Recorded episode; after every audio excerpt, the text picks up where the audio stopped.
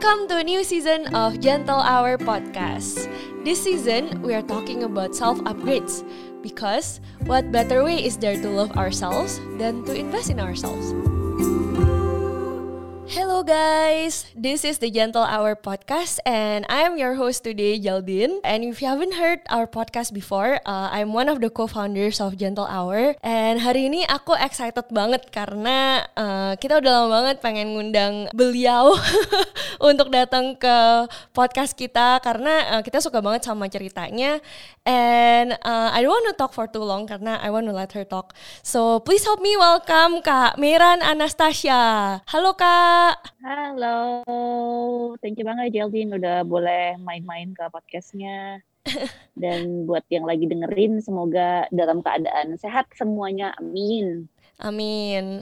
Kak, mungkin uh, ada nih beberapa orang yang mungkin hmm. belum nggak banyak kali ya yang belum kenal Kak Mira, tapi mungkin can you introduce yourself first to our audience? Oh, Oke, okay, pasti banyak lah yang belum tahu. Um, aku Meira Anastasia. Aku adalah penulis buku Imperfect, A Journey to Self Acceptance, dan juga bukunya kemarin sempat dibikin film uh, Imperfect, Karir, Cinta dan Timbangan yang uh, tayang di bulan Desember tahun 2019.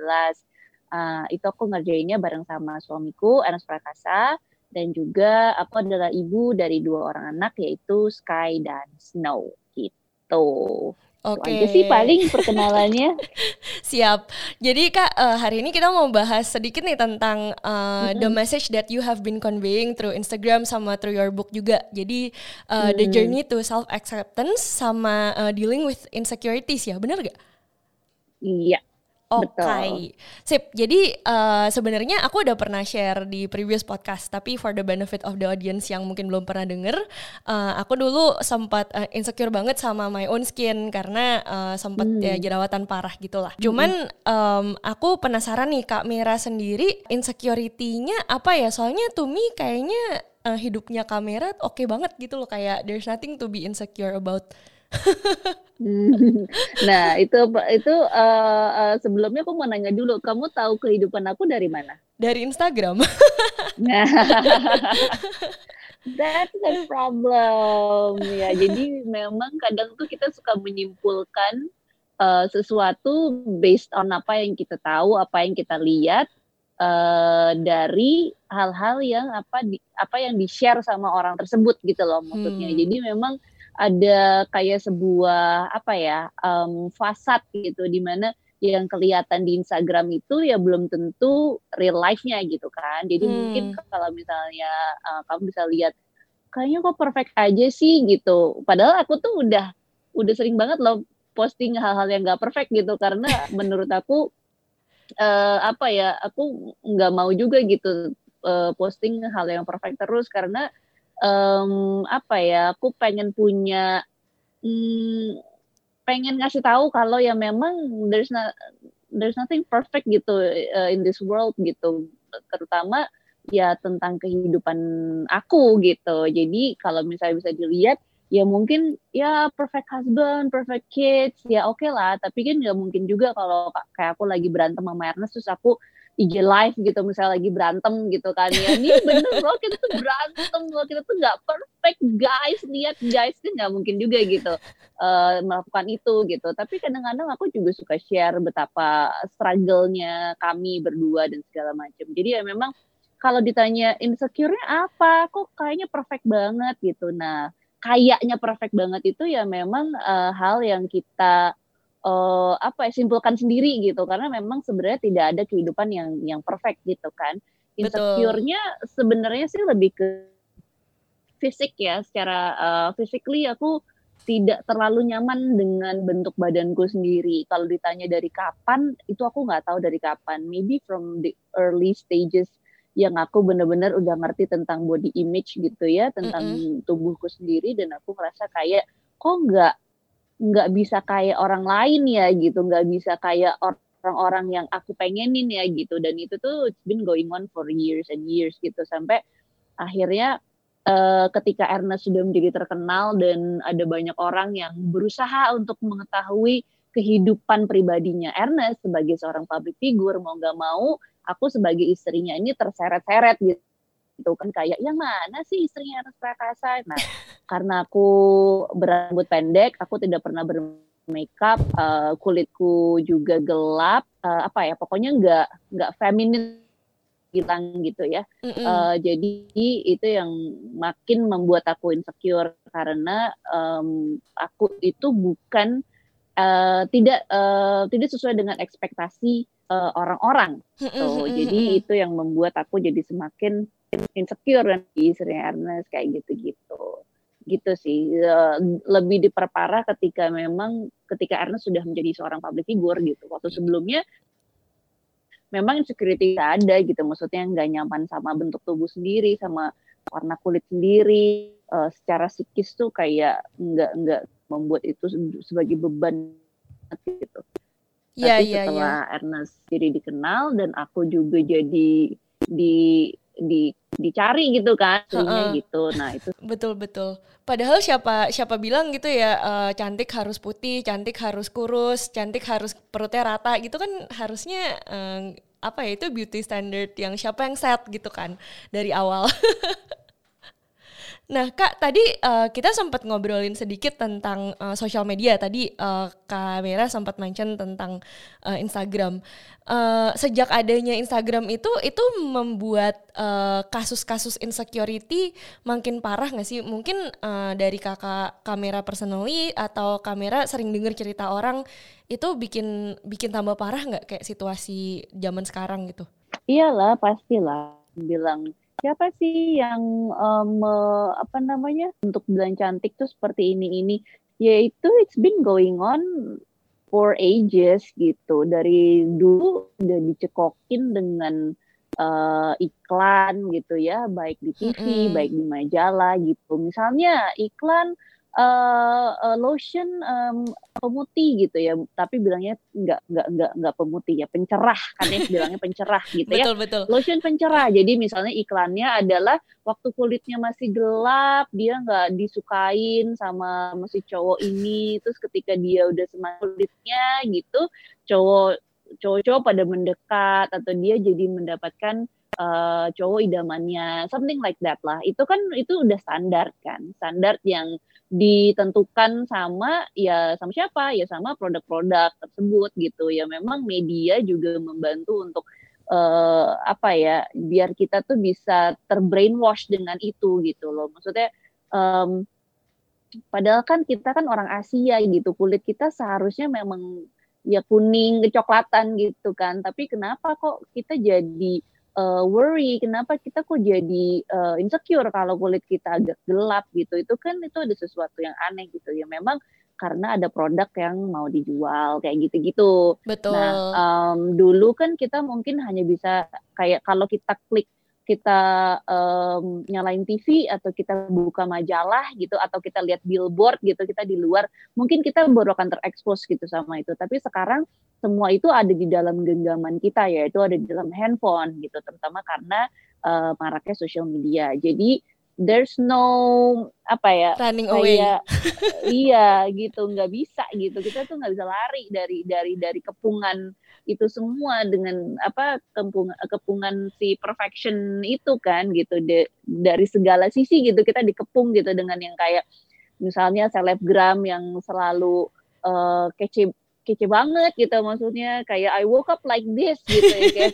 kok, gue bangun tidur nggak kayak dia ya? Gitu. Maksudnya hal-hal seperti itu yang akan membuat kita semakin membandingkan terus gitu. Dan sekarang jadinya semakin gampang untuk ngebanding-bandingin sama orang. Karena itu tadi ada di dalam handphone ada di dalam genggang, genggaman gitu. Maksudnya kita bisa kayak kalau keluar rumah nggak bawa dompet kayak ya udahlah nggak bawa dompet masih bisa pakai apa namanya um, uh, yang lain gitu ya uh, uh, cara kartu. pembayarannya oh, iya. gitu.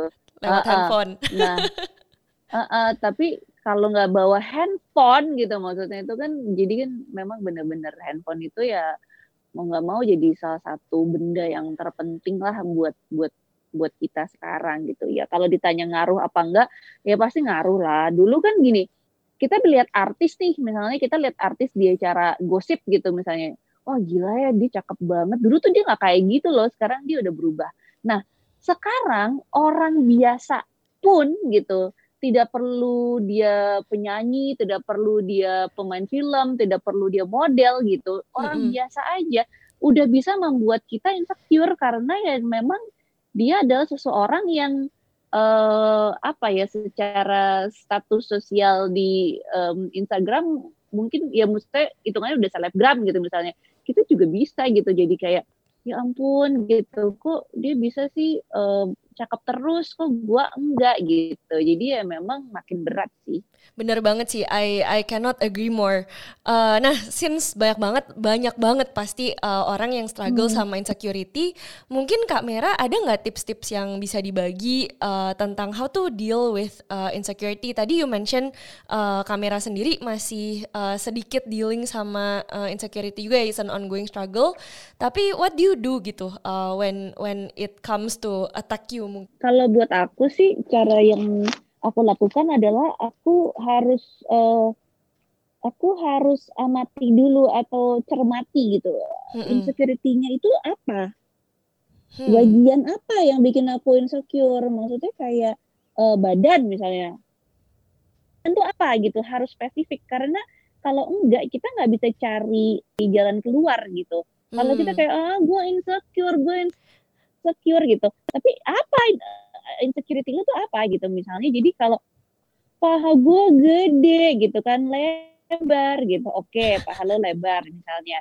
Uh, sekarang uh, tapi karena pinggul lo juga lebar gitu. Maksudnya aneh kan kalau pinggul lo lebar tapi paha lo nggak ikut lebar gitu. Itu lebih weird gitu kan. Maksudnya secara secara physically itu aneh gitu kan maksudnya. Jadi kayak aku aku udah tahu kalau pahaku lebar tuh dari sejak aku nggak tahu ya mungkin SMP kali deh gitu udah aware. I was struggling with that karena aku ya kenapa kok orang tuh nggak selebar gue pahanya gitu. Sampai akhirnya uh, pas udah mulai ya dewasa terus aku udah mulai pinpoint kan apa nih insecurity gue? Oh salah satunya paha. Kenapa sih lebar banget? Oh karena pinggul gue lebar gitu. Karena memang berbeda-beda gitu. Maksudnya ada yang pinggulnya memang kecil gitu. Itu kita nggak bisa tahu juga akan ke mana gitu maksudnya. Jadi kita misalnya kita mau ngurusin badan gitu. Nah apa apa yang kurus duluan itu kita juga nggak bisa kita nggak bisa atur. Kayak makanya aku tuh suka enggak gimana ya kalau orang yang kayak latihan buat apps gitu. Maksudnya ya bisa sih gitu. Maksudnya lo latihan tapi lo jangan berharap kalau apps lo akan uh, akan akan langsung jadi uh, flat gitu maksudnya. Karena kadang kita tuh nggak bukan kadang kita tuh nggak bisa memilih kecuali lewat yang udah diinin sama orang lain ya gitu ya misalnya kayak ke dokter kecantikan atau apa segala macam gitu mm -hmm. itu baru bisa tuh mm -hmm. misalnya liposuction uh, mm -hmm. khusus buat perut gitu kan ya atau segala macam gitu nah jadi kita tuh nggak bisa memilih jadi akhirnya setelah aku bisa pinpoint oh paha nih oh tapi paha tuh karena pinggul gue lebar banget dan pinggul lebar ini bukan karena gue menggendut karena dari dulu pinggul gue emang udah lebar gitu jadi akhirnya bisa uh, menerima karena setelah um, apa ya ada assessment gitu terhadap diri sendiri oh oh iya memang bentuk badannya tuh kayak gini jadi bentuk badan aku tuh kayak uh, badannya tuh bisa kecil tapi pinggulnya tuh kayak lebar gitu loh. Mm, Jadi ya hmm. memang susah gitu untuk untuk punya misalnya pantat yang kecil dan paha yang kecil gitu. Jadi ya gitu. Akhirnya setelah aku mendapatkan realisasi itu oh I was built this way gitu. Sama Tuhan memang udah dibuild seperti ini. Ya ya udah gitu. Akhirnya setelah um, mendapatkan realisasi dan ya lama sih gitu maksudnya prosesnya. Tapi ketika tahu oh memang seperti ini gitu di di apa diciptakan sama Tuhan ya ya udah gitu lama-lama oh oke okay, ya udahlah nggak apa-apa gitu. Emang mau diapain lagi gitu maksudnya. Jadi ya memang eh, pertama kali itu yang harus kita ketahui adalah apa insecurity-nya. Jangan cuman bisa bilang ah gue insecure gue nggak gue nggak suka gue insecure gitu-gitu doang. Tapi apa? Ketika kita udah tahu apa, kita jadi tahu bagaimana cara untuk uh, membuat maksudnya mau diterima atau mau diubah atau mau diapain nih gitu loh. Jadi tahu tahu uh, nextnya itu what to do gitu. Itu kalau buat aku Hmm. yang works gitu ya. Misalnya kayak payudara gitu misalnya. Aku udah punya dua anak dan ini juga hmm, aku masukin ke dalam buku Imperfect gitu. Setelah punya dua anak, nyusuin dua anak, udah nggak jelas gitu ya bentuknya gitu. Oke, what to do gitu kan ya. Aku sampai sampai pernah ke dokter eh, apa namanya eh, bedah plastik gitu untuk untuk mencoba. Oke, mau diapain nih gitu kan? Oh, oke. Eh, nah, aku sampai melakukan itu gitu, Heeh. biar aku tahu apakah ini jawaban untuk insecurity aku gitu loh. Jadi Oh. aku insecure soal payudara, apakah ini jawaban untuk insecurity aku? Apakah ketika aku sudah operasi gitu ya misalnya, diperbaiki lah misalnya gitu, dibagusin lagi gitu, apakah aku akan langsung nggak insecure gitu kan? Apakah hidup aku akan langsung bahagia? Apakah aku nggak akan nggak akan eh, merasa sedih lagi sama tubuhku atau kayak gitu-gitu? Jadi ketika sudah ada uh, komunikasi atau apa ya diskusi ya sebenarnya diskusi dengan diri sendiri gitu tentang apa yang akan mau dilakukan tentang insecurity ini gitu ya terutama fisik ya Mm-mm. itu akan menjadi sebuah em, pertimbangan gitu. Karena kalau kita nggak berdiskusi sama diri kita sendiri sulit. Kita nggak bisa. Maksudnya minta orang untuk kayak eh menurut lo gue masih gimana ya nggak bisa gitu karena kan ini tubuh kita gitu kan Iya, ini iya. kita yang punya gitu. Kalau kita rely on other people gitu, memberikan jawaban atau membuat kesimpulan akan apa yang kita rasakan gitu, dan it's gonna be wrong lah kalau menurut aku gitu. Jadi ketika kita punya diskusi, kita sudah berdiskusi dengan diri kita sendiri, oke, eh, kalau lo mau operasi terus habis itu apa ya? What's next gitu kalau misalnya itu? Apakah lo akan bahagia setelah itu? Kayaknya Hmm. enggak juga sih ya gitu. Maksudnya jadi ketika diskusi itu sudah berjalan gitu kayak tadi yang paha itu itu juga ada diskusi gitu kan. Kenapa ya paha gue gede ya? Oh oh karena kayaknya ntar dulu kayaknya bentuk badan gue nih yang kayak gini deh. Ini apa bawahnya tuh lebar jadi memang pahanya mau nggak mau agak agak lebih besar dari orang lain kayak kayak gitu-gitu. Jadi Mm-mm. ketika kita sudah bisa tahu permasalahannya itu apa gitu yang mana sih yang jadi problem nih yang jadi pikiran lo setiap hari itu yang mana gitu. Maksudnya kalau udah di pinpoint nanti bisa dicari tuh gitu masing-masing ini maunya diapain ya gitu Ah, oke oke. Tapi kayak zaman sekarang tuh gara-gara Photoshop juga bikin eh, apa unrealistic expectations about your body gak sih? Iya, kayak paha lu ge- eh apa misalnya ada orang yang kayak pinggulnya gede tapi pahanya kecil gitu. That's that's Nah, made iya, possible iya, now iya, by iya. Photoshop. Cuman kan banyak orang kalau udah lihat foto mereka nggak akan automatically mikir itu Photoshop kan. Mereka pasti mikir, "Oh, beneran nih si Kim Kardashian kayak gini, kenapa gua nggak bisa?" gitu. Hmm, hmm, itu kadang-kadang berkutat di sebuah hal yang kita tuh nggak sadar kalau itu tuh toxic gitu loh buat Iya. kita. Jadi eh, kayak gini aja. Kayak kita follow orang-orang di Instagram gitu kan ya. Tiap Mm-mm. hari itu kan bisa kita bisa lihat dia tiap hari. Kalau dia ngepost tiap hari gitu ya kita bisa lihat kesehariannya dia apa segala macam. Nah kalau kita nggak sadar kalau itu adalah sebenarnya lebih banyak membawa hal negatif daripada positif gitu kita akan terjebak di situ selamanya gitu aku banyak banget unfollow orang eh, yang tadinya aku pikir akan memberikan aku sebuah eh, apa ya kayak semangat atau apa gitu ya jadi Mm-mm. aku pernah follow satu eh, apa namanya eh, influencer kayak eh, sports gitulah cewek nah Mm-mm. terus dia tuh kayak hampir tiap hari post postingannya itu adalah pose dia ngeliatin apps-nya dia apps Oke. karena dia itu punya aplikasi aplikasi olahraga sendiri gitu ya Oke, aplikasi kayaknya aku tahu melakukan nih siapa. olahraga. Nah, Tapi ya oke, terus. jadi aku kan aku perhatiin terus kan kayak oh iya aduh gue pengen kayak dia gue pengen kayak dia gitu terus kan gitu terus sampai lama-lama aku berpikir wait wait wait bentuk badan dia aja sama aku udah beda banget I cannot Hmm. achieve gitu what she can achieve. Dan dengan eh, apa namanya makan makan dia yang benar-benar diatur banget dan dengan olahraga dia yang mungkin sehari bisa satu dua jam setiap hari gitu dia konstan gitu segala macam gitu. Terus terus ini bukan sesuatu yang bisa gue achieve gitu. Dan akhirnya aku unfollow karena menurut aku dia tidak memberikan apa ya malah jadi negatif impact ya? Bener ya, bener ya, ya. ada malah tidak apa positif vibes gitu. Betul betul malah betul. aku jadi selalu merasa kayak oh shit kenapa sih gue gak bisa kayak dia?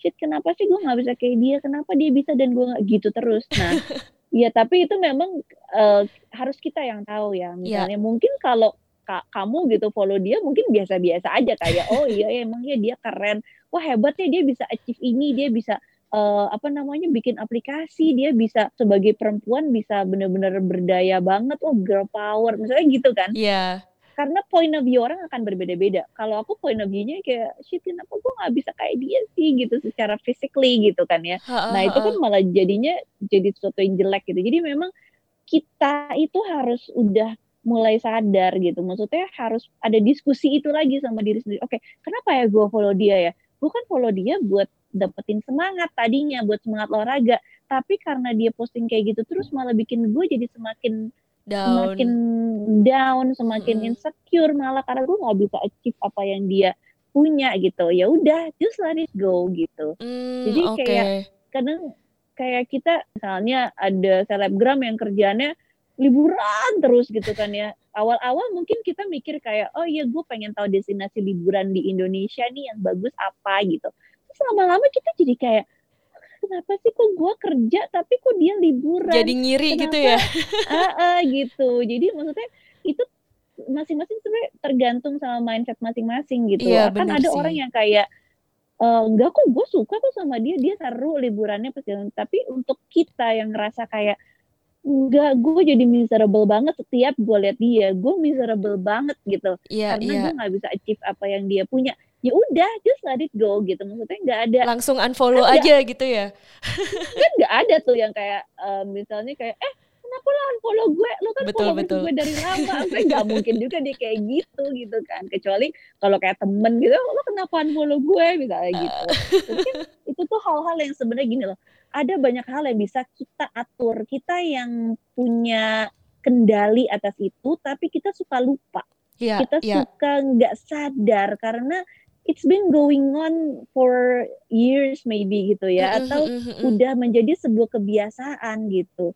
Jadi ketika aku unfollow itu juga aku ngerasa kayak ih tapi kok gue ngerasa kayak maksud gue unfollow dia berarti gue kayak nggak bisa nerima apa ya kayak mm, kayak nggak bisa nerima kayak gue ngiri ya, tapi gue emang ngiri ya emang ya lu ngiri gitu, gitu kan ah, ah jadi maksudnya memang itu kembali kepada masing-masing sih Uh. Ada ah. yang enggak gue tuh buat motivasi banget, gue suka sama dia gitu karena I'm so motivated kalau gue lihat video-video dia, oke okay, nggak apa-apa gitu, tapi know your limit. Ketika itu udah nggak masuk ke dalam batas toleransi kita gitu, maksudnya just let it go, jangan jangan apa ya karena ego yang kayak enggak gue nggak apa-apa gitu. Tapi makin lama makin kayak aduh gila ya setiap gue lihat dia tuh gue ngerasa miserable makin nangis. happy gitu. Iya nggak happy sama diri gue sendiri gitu. Buat apa? gitu kan. Iya iya. it's your social media gitu. Take control of it gitu. Jangan jangan dikontrol sama sama dari luar gitu. Harus kita dari dalam yang bisa mengontrol apa yang mau kita lihat gitu gitu. Bener banget sih. Itu uh, apa? I think that's something a lot of people don't realize ya. And also Betul. dari dari yang tadi kamera cerita, uh, berarti um, apa overcoming your insecurity sama self acceptance itu is a journey ya. Maksudnya it's not like pada suatu hari gue bangun dan gue kayak nggak ngerasa insecure lagi dan gue selamanya nggak insecure lagi. Tapi it's a decision that you have to make every single day ya. Iya sih, kalau menurut aku makanya buku aku tuh Imperfect A Journey hmm. to Self Acceptance karena itu hmm. journey nanti nanti beda-beda nih. Misalnya uh, dulu aku insecure soal fisik gitu kan ya. Yeah. Setelah aku overcome that gitu, misalnya kayak enggak kok gue sekarang udah lebih santai kayak memang ya udah kayak gini gitu asal gue sehat, gue tetap olahraga, gue makan yang bener, ya udah I'm okay with my body gitu kan. Yeah. Nah, nanti mulai uh, naik lagi gitu kita kan selalu seperti musim dalam kehidupan gitu kan ya. Selalu ada musim yang akan berganti. Misalnya nanti nextnya aku akan insecure soal kerjaan gitu kan. Misalnya hmm. kayak aduh gue habis bikin imperfect ntar gue bikin apa lagi ya? Ntar kalau flop aduh gila gue malu banget. Kemarin kan udah berhasil. Nah misalnya kayak gitu loh. Jadi yeah. kayak itu tuh itu insecurity juga kan gitu. Maksudnya kayak insecure sama kemampuan diri sendiri untuk bisa menghasilkan sebuah karya lagi gitu kan. Benar-benar jadi uh, berarti akan, ada akan ada selalu, aja ya gitu kayak akan selalu hmm, ada gitu. Kalau menurut aku sih gitu sih ya. Iya, jadi ya, bener sih. Uh, aku tapi aku nggak tahu ya apakah kalau ada orang yang bener-bener kayak positif banget yang bener-bener uh, pede banget sama dirinya sendiri ya mungkin aja sih tidak mengalami itu gitu ya. Tapi kalau buat aku ya itu journey karena nanti berubah-ubah lagi gitu uh, tentang tentang apa insecurity-nya gitu uh. bukan cuman kayak tentang eh, mungkin dulu physical terus nanti tentang um, apa namanya tentang uh, pekerjaan dan yang lain sebagainya gitu hmm. jadi ya memang itu journey aja dan itu tuh um, apa ya kayak kita harus banyak berdiskusi sama diri sendiri gitu jadi jangan nanya jangan apa-apa tuh langsung nanya ke orang gitu. Kayak aduh gue kayak gini menurut lo gue masih gimana? Ya gitu. Ya yeah, make a connection with yourself gitu ya? Iya hmm, karena hmm, sebenarnya yang paling tahu apa yang kita mau tuh diri kita sendiri gitu. Bener. Kadang kan kalau kita nanya sama orang itu kan pasti kayak ah itu sih menurut lo kali menurut gue sih nggak gitu gitu kan maksudnya. Yeah, yeah, yeah. kita suka mikir kayak gitu kan jadi maksudnya kenapa tidak berdiskusi dengan diri kita sendiri coba tanya gitu loh kapan sih terakhir kita bener-bener kayak nanya sebenarnya mau lu tuh apa? gitu. Kok kalau lo kayak gini terus lo nggak akan bisa berkembang loh. Apa sih yang lo takutin? Apa sih yang jadi kekhawatiran lo? Gitu maksudnya. Jadi ketika kita punya diskusi itu itu seharusnya akan bisa keluar dan kita kan bisa langsung cari jalan keluar gitu loh untuk itu. Nah misalnya kalau jalan keluarnya kayak nanya ke temen eh menurut lo ya gue tuh kan uh, insecure ya gara-gara ini tapi kalau gue kayak gini gimana misalnya kalau kayak gitu oke okay lah kalau misalnya mau mau mau nyari pendapat gitu ya dari orang mm -hmm. tapi the fact bahwa kita yang punya insecurity ya kita yang harus tahu itu tuh apa apa sebenarnya dan mau diapain itu kan pilihannya itu ada di kita gitu. Iya iya iya. Banyak banyak banyak banyak ngobrol sama diri sendiri juga gitu. Nggak nggak nggak nggak langsung keluar gitu nggak langsung ke orang lain. Wow, that's very insightful sih kamera. Jadi sebagai penutup ada nggak uh, mungkin uh, last tips atau uh, message dari kamera buat teman-teman kita yang uh, maybe masih on their journey to self acceptance? Jangan menggeneralisir kayak aduh gue tuh orangnya insecure gitu kan ya. Tapi kita harus tahu apa sih insecurity ini apa. Ayo coba di ini satu-satu banyak. Ya udah kalau banyak tulis satu-satu gitu. Maksudnya jangan menyerah gitu. Itu tuh bukan hmm. having insecurities tuh bukan sesuatu kayak penyakit yang nggak bisa sembuh atau kayak penyakit yang memalukan atau yeah, apa gitu. yeah. enggak gitu. Maksudnya kayak itu manusiawi sekali gitu. Karena sebagai manusia kita punya kekhawatiran uh dan kita juga tidak bisa mengatur semuanya gitu kan ya. Betul. Jadi ada hal-hal yang bisa kita atur, ada yang nggak bisa. Nah, untuk hal yang nggak bisa kita atur ini kadang kita suka khawatir dan akhirnya jadinya kita insecure sama kemampuan diri kita sendiri atau sama apa yang kita miliki gitu. Hmm, hmm, hmm. Jadi itu tadi uh, harus tahu apa sebenarnya yang yang bikin kamu insecure, bagian mana atau hal apa gitu dan setelah itu ya coba diskusikan sama diri sendiri apa ya kira-kira yang mau kita lakukan gitu untuk mengatasi itu gitu karena kalau kitanya tidak berperan aktif nggak akan bisa karena orang hanya bisa membantu kita dari luar mungkin memberikan semangat tapi yang harus berperan aktif untuk bisa membuat insecurity itu menjadi berkurang atau mungkin hilang itu hanya diri kita sendiri. Jangan pernah meragukan dirimu gitu ya walaupun kamu lagi insecure tapi ya yang paling bisa membantu dirimu sendiri itu adalah ya dirimu sendiri. Jadi you are responsible for your own happiness gitu ya intinya. Iya sih, karena kalau kalau kita rely on um, apa namanya other people for our own happiness, kita akan will be disappointed karena orang True. akan bisa beda-beda gitu kan ininya kan. Mm-hmm. Maksudnya orang akan bisa mengecewakan kita gitu, tapi kalau diri Pasti. kita sendiri ya seharusnya kita tahu apa yang terbaik buat diri kita gitu. Oke, okay. sip. Kamera, thank you banget buat encouragement, buat wisdom, dan buat semua sharingnya. Uh, I'm sure our uh, friends yang dengerin ini akan find it very useful. Thank you banget ya Kamera. Amin. Semoga, ya semoga berguna ya. Siap. Terima kasih ngobrol-ngobrolnya. And that's it guys for our session with Kamera Anastasia for this episode of Gentle Hour. If you haven't listened to our other podcast, it is available across all digital platforms. And also, if you have not followed us on Instagram, where have you been? Follow us right now at Gentle Hour Official. And uh, that's all for today. See you guys next time. Bye.